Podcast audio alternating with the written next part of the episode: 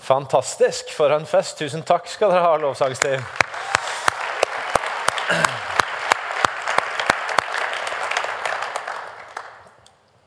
Og god, god påske, kjære IMI-familie og dere som måtte være på besøk, eller som hadde lyst til å feire påske i ei kirke og komme innom.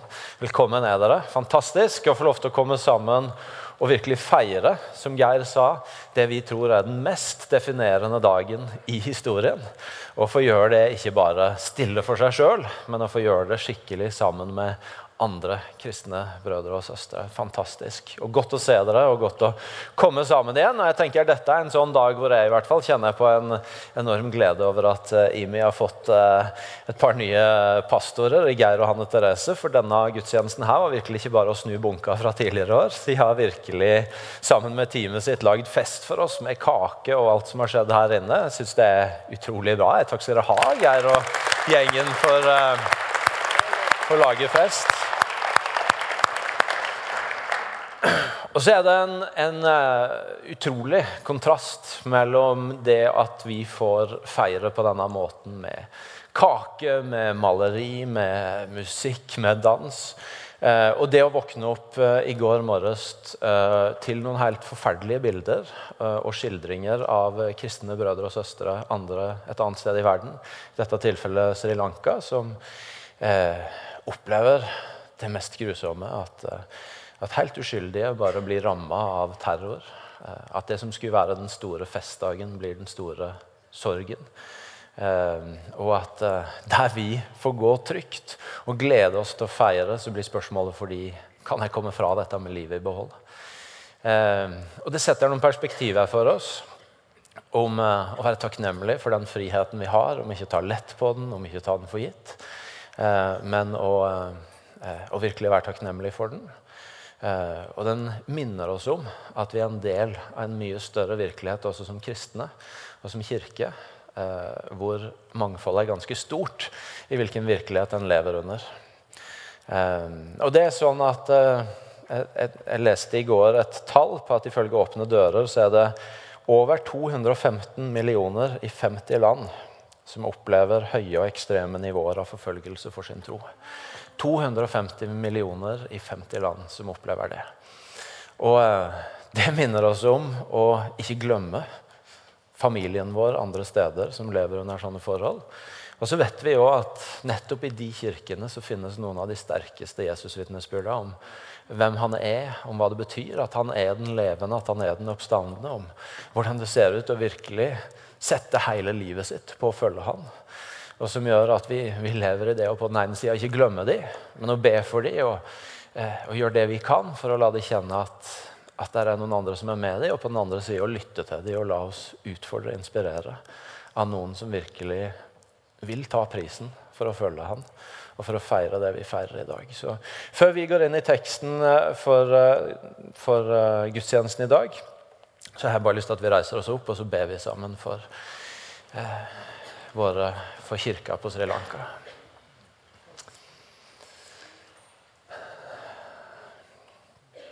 Kjære gode far, takk for kirka du lar oss få være en del av. Ikke, ikke bare den ene lokalet vi er en del av, og ikke bare den strømmen eller trossamfunnet eller retninga vi er en del av, men hele den store kirka som du har i denne verden som er så mangfoldig, og som lever under så forskjellige forhold.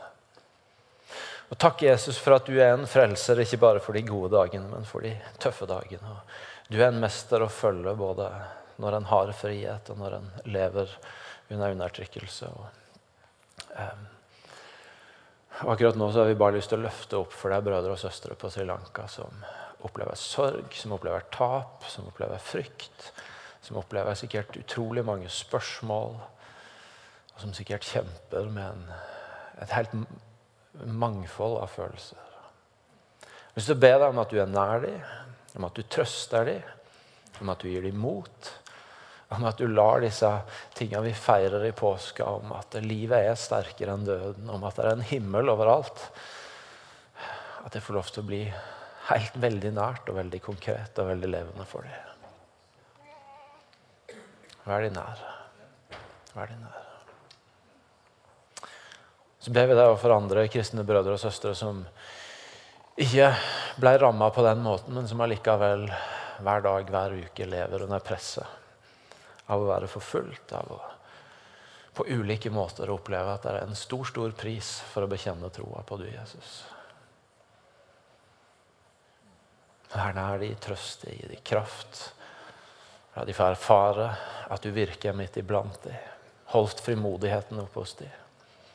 Og hjelp oss som lever under andre forhold, til å ikke glemme det, og til å ikke ta det vi har for gitt.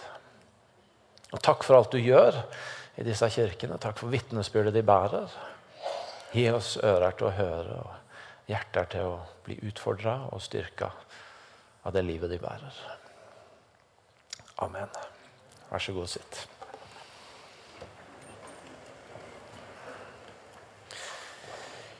Tidlig om morgenen den første dagen i uken, mens det ennå er mørkt, kommer Maria Magdalena til grava. Da ser hun at steinen foran graven er tatt bort. Denne morgenen, tidlig tidlig morgenen som det fortsatt er mørkt, det er kanskje skumring, det er, det er bare så vidt det holder på å bli dag, så er det litt av ei uke som ligger bak. Du vet, Det er noen sånne uker som du tenker når du kommer til slutten at oi, er det bare ei uke siden det skjedde? Og det er faktisk bare ei uke siden Jesus rei inn i Jerusalem. og I inspirasjon så var det noen som fant fram palmegreinen og hylla han som en konge. og Sang Hosianna, Davids sønn. og Han ble hylla som en konge. Bare ei uke siden at det skjedde. Og så har det vært de dagene der hvor det, hvor det skjer en del ting som, som, eh, egentlig ikke minner så mye om at Jesus er en konge. Han virker kanskje like mye som en opprører, der han velter borda til pengevekslerne inne på tempelet, og han havner i stadige diskusjoner med, med, med de skriftlærde og fariseerne. og De vil gripe han i eh, Prøve å sette ham fast i et eller annet, og han, han på en måte han, han svarer alltid smartere, men, men, men, han kommer også med noen ord som er ganske radikale, ganske utfordrende, og som, og som på ingen måte er en sånn appell til velgermassen, for å si det sånn. Han, han, han kommer mer som utfordreren enn som kongen. Og Så kommer endelig torsdagen, og, eh, og det er påskehøytid. og de, Han setter seg ned med sine disipler for å spise. og og Det kan kanskje være at noen av disiplene tenkte å, endelig kan vi bare ha et normalt påskemåltid. Med alt det som har skjedd rundt han, alt det de er med på. Du vet, jeg tror de fleste familier har det sånn noen ganger at de bare tenker å, kan vi bare ha et normalt måltid her, liksom. måltid hvor ingenting skjer. og Det kan være at noen av disiplene nesten hadde det litt sånn, der de setter seg ned for å feire påskemåltid. og Det er ingen diskusjoner, og det, det er på en måte Vi spiser sammen. og og Jesus innstifter denne nattverden, og i Johannes sin fortelling om det, så vasker han til og med beina de sine. Og det er en veldig, veldig vakker stund. Og så er det bare Så vidt måltidet er ferdig, så kommer denne natta som er så mørk, og som skaper så stort skille mellom Jesus og resten, i den forstand at han går veien som han var meint å gå. Mens de rundt de på ulike måter svikter, de forråder, de stiller seg på distanse. Og, og, hele denne parodien av en rettsprosess hvor han sendes hit og han sendes dit. og Ingen har egentlig noe å ta han på, og ingen har egentlig lyst til å være den som felte dommen. og Han ene vasker til og med hendene sine for å markere at det var i hvert fall ikke med. Men på en eller annen måte så ender han opp på korset. og Han ender opp med å dø, og han ender opp med å bli lagt i ei grav. Og Så kommer denne morgenen her, som er ganske annerledes enn for ei uke siden, når han rei inn. Og, og, eh, som vi leste når Maria kommer, og det ennå er mørkt, så er steina foran graven tatt bort. Jesus han er allerede stått opp. Han Han er allerede den oppstandende. Men det er ingen på dette punkt som vi vet om, som tror det, eller vet det, eller bekjenner det. Han er den oppstandende, men, men, det er ingen andre som har sett det, eller som har festa lit til det. Og det er først i de timene og dagene som følger, hvor folk får et møte med den oppstandende, at det begynner å bli folk som skjønner det, som tror det, som bekjenner det. Det er jo sånn at Jesus hadde sagt hva som skulle skje. Men ingen av dem hadde egentlig tatt det inn på en sånn måte at når denne situasjonen kom, så trodde de det. Der står ingen fortelling om at noen satt og venta. Ja, nå, nå, er vi snart på tredje dagen. Nå, nå, nå må vi komme oss ut for å se. Mennene står det ikke om at foretok seg noe som helst. og Damene de var i hvert fall i bevegelse utover mot grava, men, men ikke egentlig fordi de hadde noe tro på at han var stått opp. De hadde med seg salve fordi de skulle salve et, en død kropp. Og Det eneste hintet vi har i evangelien om at noen tenkte på det han hadde sagt om at på den tredje dagen skulle han stå opp, det er egentlig at de som ikke trodde på han, de som ønska å se han borte, de kom på at han hadde sagt noe om å stå opp den tredje dag. og De trodde vel ikke så mye på oppstandelsen, men de var redde at noen skulle prøve å sette den i scene. Så, så Matteus, evangelisten Matteus forteller at de sørga for å ha litt ekstra vakthold der, sånn at ikke noen skulle lure på noe. Lure de på noe vis. Det er i seg sjøl en litt fascinerende detalj i historien at de som trodde på han, de som fulgte han, de som hadde hørt mest av det han hadde å si, de de hadde ikke fått med seg, eller de hadde i hvert fall ikke festa seg ved på en sånn måte at de henta tro fra orda om at han skulle stå opp. Men de som faktisk huska de orda, det var noen som ikke trodde, noen som ikke var foran, noen som sto imot han. Det kan jo kanskje minne oss om noen ganger at det, det kan noen ganger være at sannhet kommer fra litt uventa steder. At det er noen ganger at vi ikke bare skal høre på de folka vi tror vi vet at sier de rette tinga, men, men, det kan faktisk være at noen ganger at noen av oss som står her, vi er, vi er blitt så familiære med noen ting, og så, og så sier noen som du ikke hadde venta det fra, og som kanskje kommer fra en helt annen posisjon, men, men de har sett det de har sett det og merka det på en annen måte. Også. Og så er det faktisk sannhet i det. Så skal aldri bare lytte til hvem som sier det, men hva som blir sagt. Men i hvert fall så så er det ingen Jesus er stått opp, men det er ingen som vet det. Det er ingen som tror det ennå. Det er ingen som har sett det. Og Denne påskeuka så, så, som var, så presenterte Vårt Land en undersøkelse hvor de hadde gjort en spørreundersøkelse som viste at en tredjedel av nordmenn tror på oppstandelsen. Tror at Jesus sto opp fra de døde. En tredjedel. Og Det kan en jo tenke forskjellige ting om. En kan tenke at i forhold til en del andre statistikker i Norge om hvor mange som går i kirka, om eh, hvor mange som bekjenner tro, og, eh, og en del sånne ting. Så, ja, og at Norge omtales som et, et, av de mest sekulære landene i verden, så kan en tenke ja, det var kanskje ikke så gærent. En tredjedel, det er, det, er i hvert fall en god del. Og På den andre sida er det jo en påminner om at uh, det er ikke en selvfølge at bare du sier det, så tror folk det. Det er ikke sånn at det bare er å lese teksten eller å fortelle historien, og så, og så tror folk det. Og så kan en jo kanskje tenke, og noen har sagt det, at eh, det var gjerne lettere på Jesu tid. Da hadde de ikke så mye vitenskap, og det var ikke så mange ting. De hadde så mange hyllemeter med kunnskap og innsikt og, eh, og, og, og ting om og, vitenskap å lene seg på. Og I tillegg så var det et samfunn hvor det var mye rom for tro, og, hvor det var rom for for også for det overnaturlige. Så, så, det var sikkert lettere for de å tro. Men faktum er jo at det var ikke noe lettere for de. De hadde hørt ordet om at det skulle skje, men det var ingen av de som, som hadde grepet det på dette punktet. Det er ikke sånn at enten du levde da eller nå, eller du lever i den kulturen eller den kulturen, at det å, det å komme med en påstand om at et menneske har stått opp fra døden, at det er noe som, som liksom bare på en måte renner igjennom? Ja, klart det. Til alle tider i alle sammenhenger så vil det være en, en utfordrende påstand å, å, å, komme med.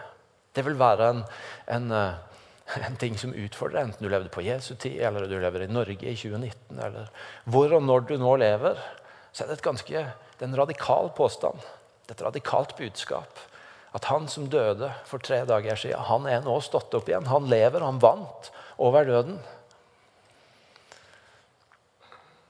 Og Det minner oss jo på den ene sida om det faktum at Jesus er stått opp på dette tidspunktet, men det er ennå ingen som tror det.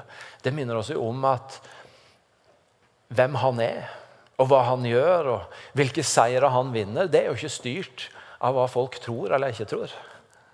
Han er jo den han er uansett, og han er like levende, han er like oppstått. Han er like mye Gud. Helt uavhengig av hva folk måtte tro eller ikke tro, si eller ikke si. Og Det skal kanskje minne oss om å noen ganger ikke ta en for stor bør på våre egne skuldre for, på Guds vegne. Fordi han, han lever, han. Og han er Gud, han. Og han, han er den han er, han. Helt uavhengig av hva som måtte bli bekjent rundt han.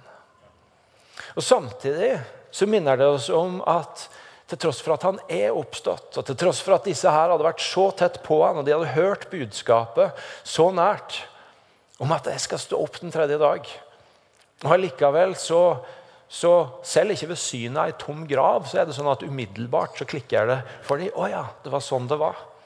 Så minner det oss om at alle trenger et møte med den oppstandende for å faktisk se det og tro det og bekjenne det.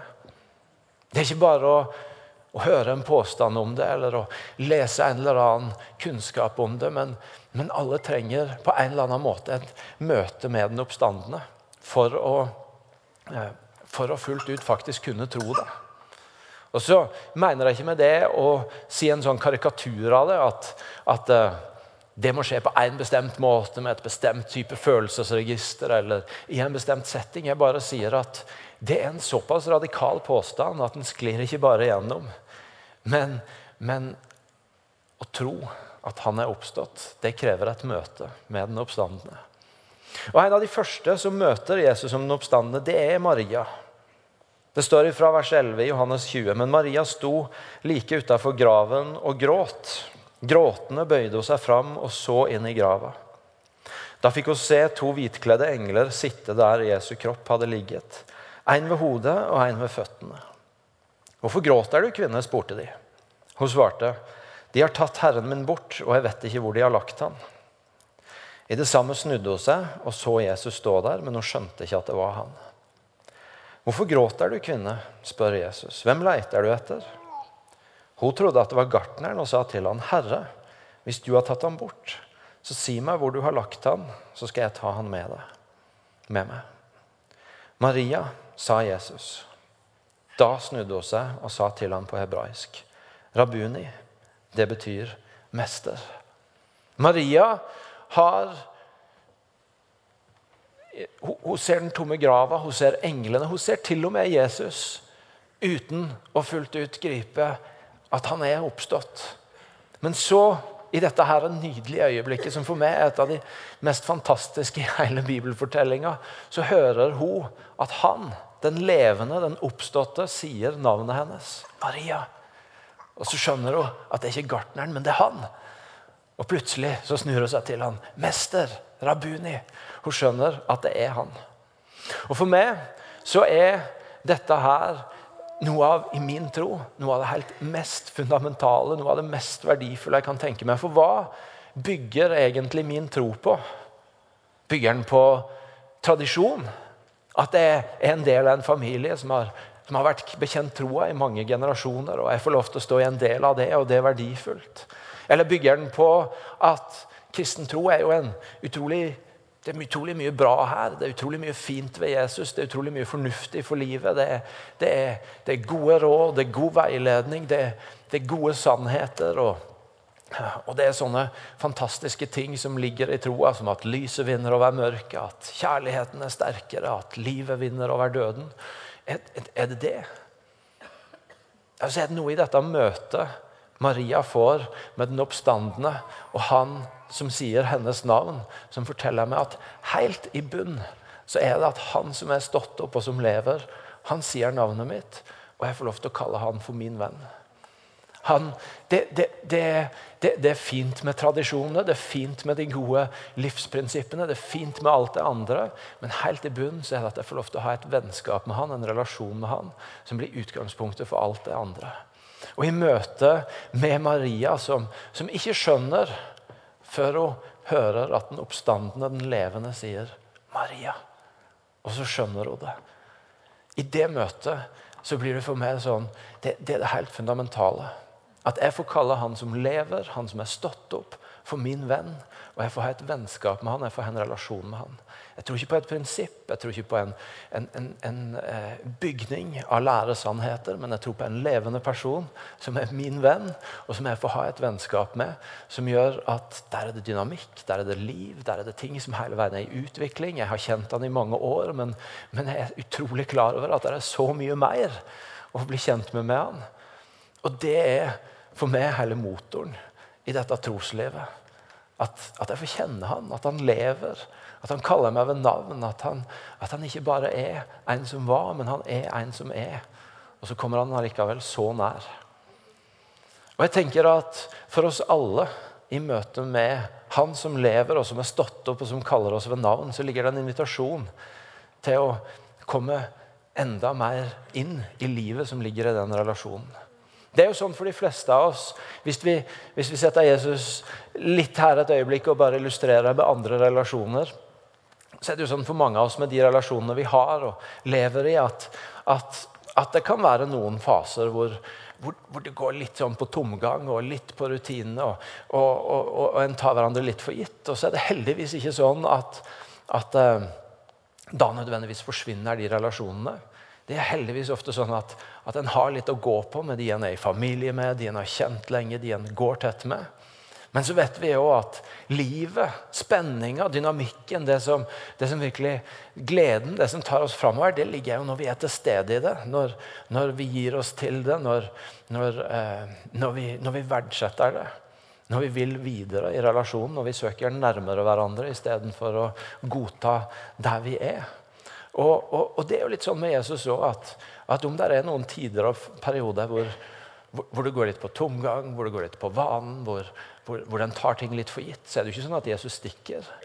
Men det er jo så mye mer. Og det er jo så mye dynamikk i å få lov til å gå for at jeg vil nærmere deg, jeg vil dypere med deg, jeg vil kjenne deg enda bedre. Fordi du er den oppstandende som kaller meg ved navn, og jeg får være din venn. En i menigheten her som jeg liker veldig godt, sitter tror jeg, et eller annet sted her, Bjørn Kåre. Han har fortalt flere ganger om eh, for Han brukte bildet om sin relasjon eh, med Jesus. At han brukte å ha Jesus i bagasjerommet. Så Etter hvert så flytta han fram i baksetet i bilen, og så etter hvert så flytta han fram i passasjersetet. Og så har han skildra noen ganger hvordan denne prosessen foregår med at Jesus vil over i førersetet og, og virkelig være helt i styringa. Og Det er et nydelig bilde at denne dynamikken, dette levende i relasjonen, av dette spennende, av at det er mer fordi han lever, og han kaller oss ved navn. IMI-instituttet, som holder til her på huset, vi var før, før, påske ute hos en leder i en stor bedrift som har gått igjennom noen tøffe omstillinger. og, og eh, de, eh, han hadde fortalt, han hadde vist dem i hjemmet sitt hvordan i de tøffe stundene han sto enda tidligere opp for å ha enda bedre tid med Jesus. Og så viste han dem tror jeg, på kjøkkenet hvor han satt, og hvilken stol Jesus satt på. Og hvordan de snakka sammen før de skulle møte det som var utfordrende i den dagen. Wow! For et konkret bilde av at en får ha et vennskap med han som lever, han som er stått opp. Og jeg tenker, I denne påsketida, i feiringa av oppstandelsen, så ligger det en invitasjon til meg og til du til at der er mer. Og det er mulighet for å komme nærmere han, for å gå dypere med han, for å kjenne han bedre, for at han får ta sin plass ved kjøkkenbordet eller i bilsetet, eller hvordan det nå ser ut i ditt vennskap, for at du får gå enda tettere med han som er stått opp. Og så er det jo en annen en som får et sånt møte, og det er Thomas. Thomas en av de tolv som ikke var sammen med de andre disiplene når Jesus kom. Og Når de sier til han, 'Vi har sett Herren', så sier han, 'Dersom ikke jeg får se naglemerkene i hendene hans og får legge fingeren i de og stikke hånda i sida hans, så kan jeg ikke tro'. Det er et ganske tøft statement egentlig av Thomas å komme med. At nå, for, for, for, innen Thomas, kommer, Thomas sitt møtepunkt kommer på banen, så, så, er det jo en gjeng som har møtt Jesus, og som har blitt begeistra, og som tror. Og, eh, og, Det kan være litt tøft å være den som på et vis ikke, ikke kjøper entusiasmen når alle de andre flytter på den. Men så velger Thomas å være ærlig på at jeg, jeg, jeg kan ikke tro hvis det ikke får se.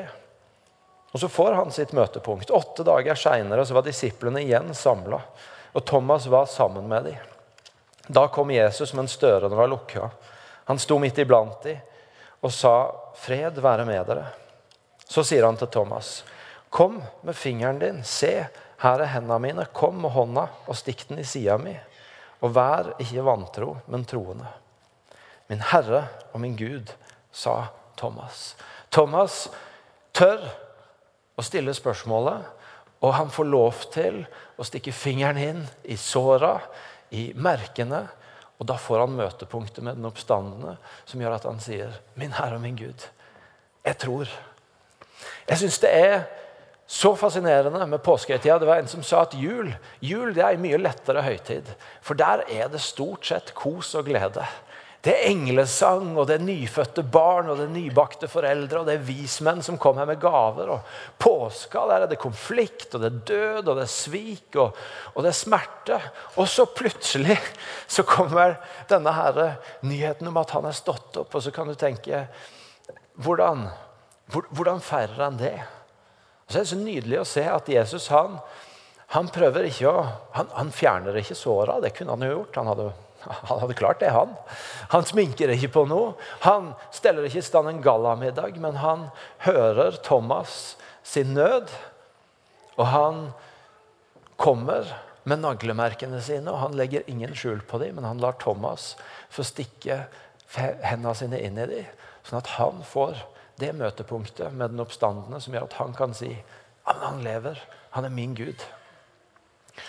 Og jeg tenker at Noen ganger så snakker jeg med folk som av ulike grunner bekjenner eller sier på ulike vis at, at de er usikre på om det er rom for dem innenfor den kristne virkeligheten. Om det er rom for dem i kirka eller i det kristne miljøet eller i det hele tatt i det å, å kalle seg som en del av de som tror. Det kan handle om at en ikke føler en passer inn. Det kan handle om at noe i livet ble sånn at en, en, en, en tenker det burde vært mer på stell. Det kan være forskjellige ting.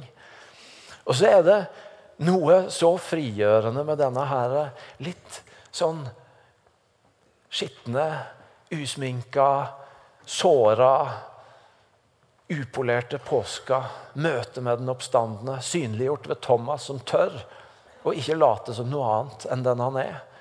Som minner oss om at i festen i gleden, i det vanvittige, at den dagen det var helt stille, så var Jesus nede og kjempa mot døden sjøl.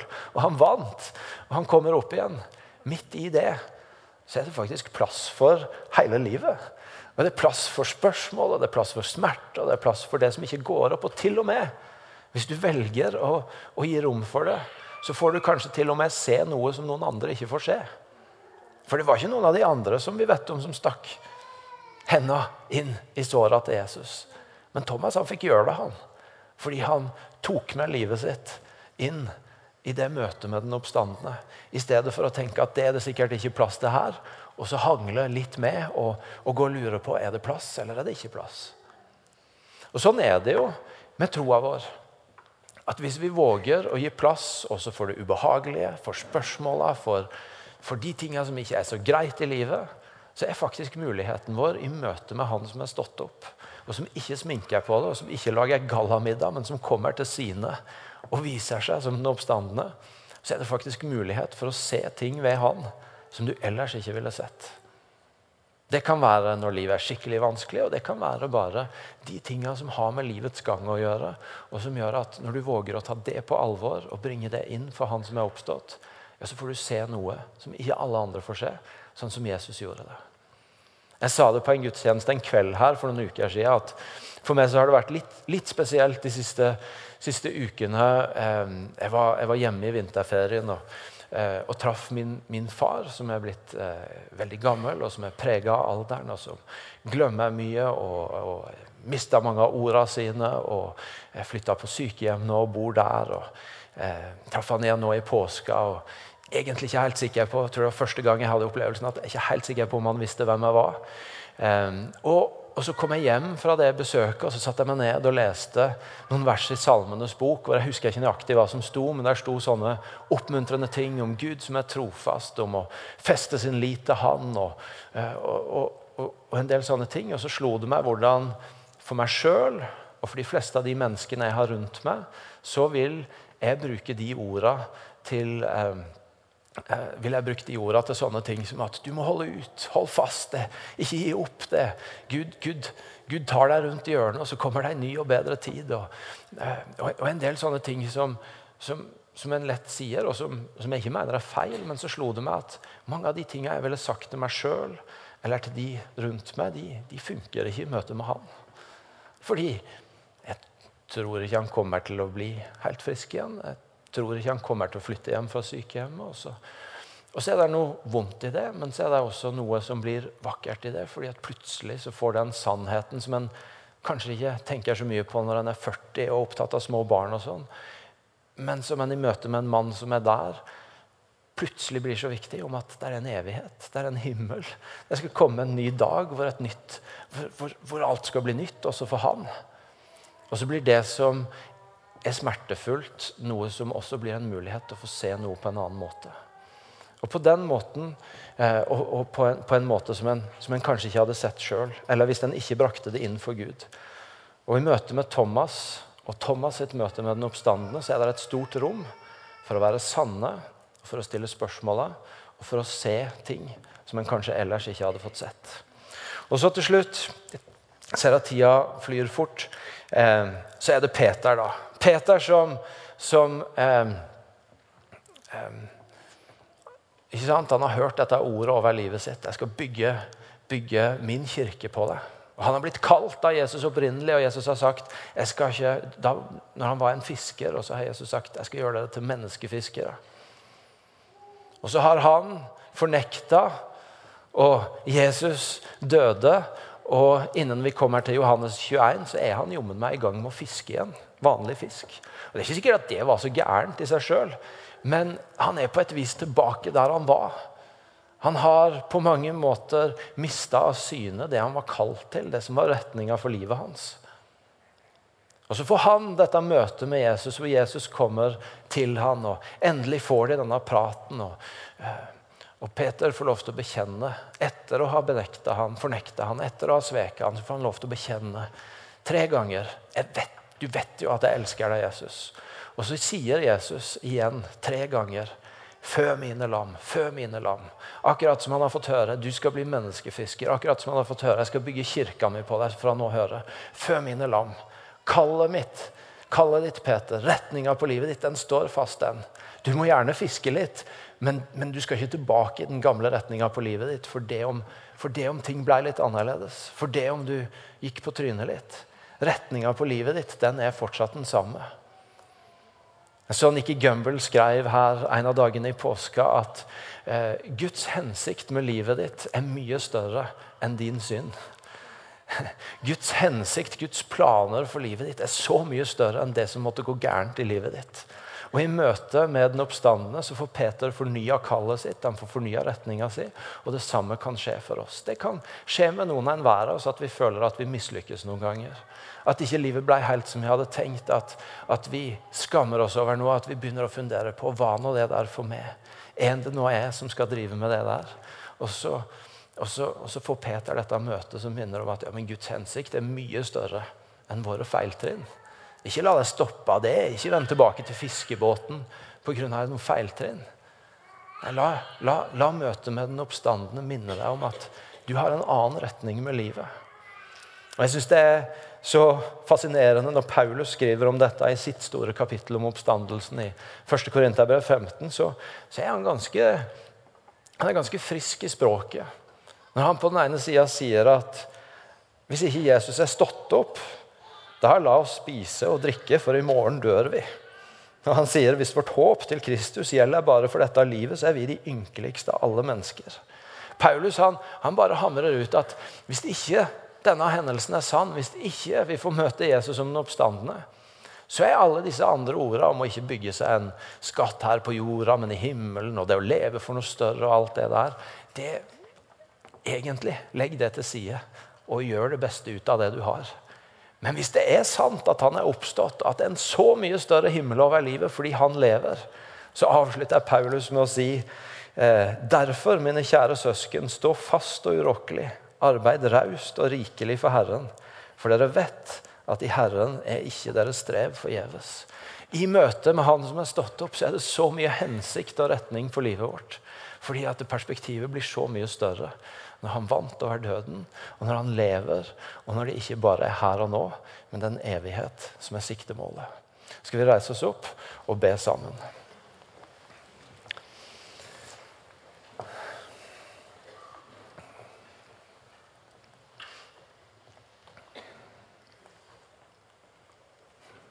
Jesus, takk for at du tok kampen. Og takk for at du vant, og takk for at du viser deg som den oppstandende, og for at det ikke bare forstår deg som en sannhet sånn på utsida, men det er en sannhet som får komme nær, og som får bli til et møtepunkt som gjør at det som egentlig er utrolig, blir mulig for oss å tro, fordi vi får et møtepunkt med det. Takk for at det er et møtepunkt som kaller oss til å gå enda tettere på deg i et vennskap med deg. Takk for at det er et møtepunkt som inviterer hele vårt livet vårt inn i din virkelighet. Og takk for at det er et møtepunkt som gir hensikt, og som ikke bare gjør deg til venn, men som gjør deg til herre og mester. En som er verdt å følge. Enten prisen er høy eller lav, enten vi, livet blir som vi hadde tenkt eller ikke, så har du en retning for oss som er mye større enn våre omstendigheter. Og Jeg har lyst til å be deg for de her inne i dag som, som kjenner at i møte med den oppstandende denne påska, så er det så er det en invitasjon der en påminner om at du vil tettere på i vennskapet. Du vil, du vil finne din plass ved stolen ved kjøkkenbordet eller i førersetet eller hvor det nå måtte være. Om at det møtepunktet skal bli definerende for det året som ligger foran. Og at, og at du taler til dem og er konkret til dem om, om, hvordan det ser ut å gå den veien. Og, eh, og at de bare får en dypere erfaring av at aller dypest så handler det om et vennskap med en som lever. Og Så ber jeg deg for de her inne som, som kjemper med om det er plass for livet de sitt i denne kristne virkeligheten. i Enten det måtte være i kirka, eller, eller, eller bare om de lurer på om, om, det er plass for dem i møte med du.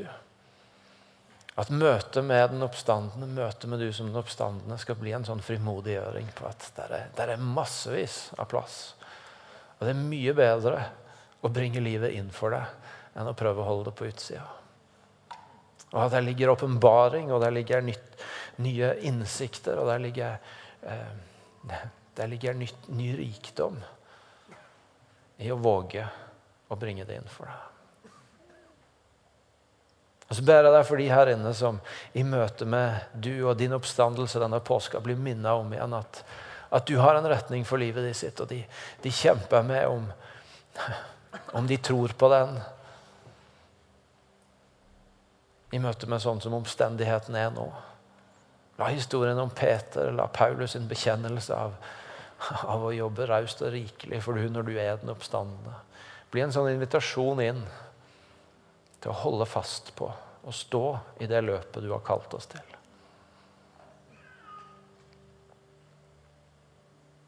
Og til oss som Paulus sier, jobbe raust og rikelig. Gi raust og rikelig av livet vårt til du. Som vår Herre og Mester, som den vi følger, som den vi våger å feste lit til. Hvis det er noen her inne som har vendt tilbake til fiskebåten, billedlig talt, så la dette være dagen og påska for å bli kalt ut av båten igjen og inn i den hensikten du, de vet at du har for dem. De vet at du har talt over livet ditt sitt. Mm. Vi feirer deg, Jesus, som den oppstanden, og vi takker deg for kampen du tok. Og så ber vi deg for hver en av oss om at, om at vi må få dette møtepunktet Enten det er som Maria, eller som Thomas, eller som Peter. Eller, eller vi må sjøl gå til ord og finne en av de andre historiene som treffer vårt liv. Gi oss det møtepunktet, far. Ja. Amen.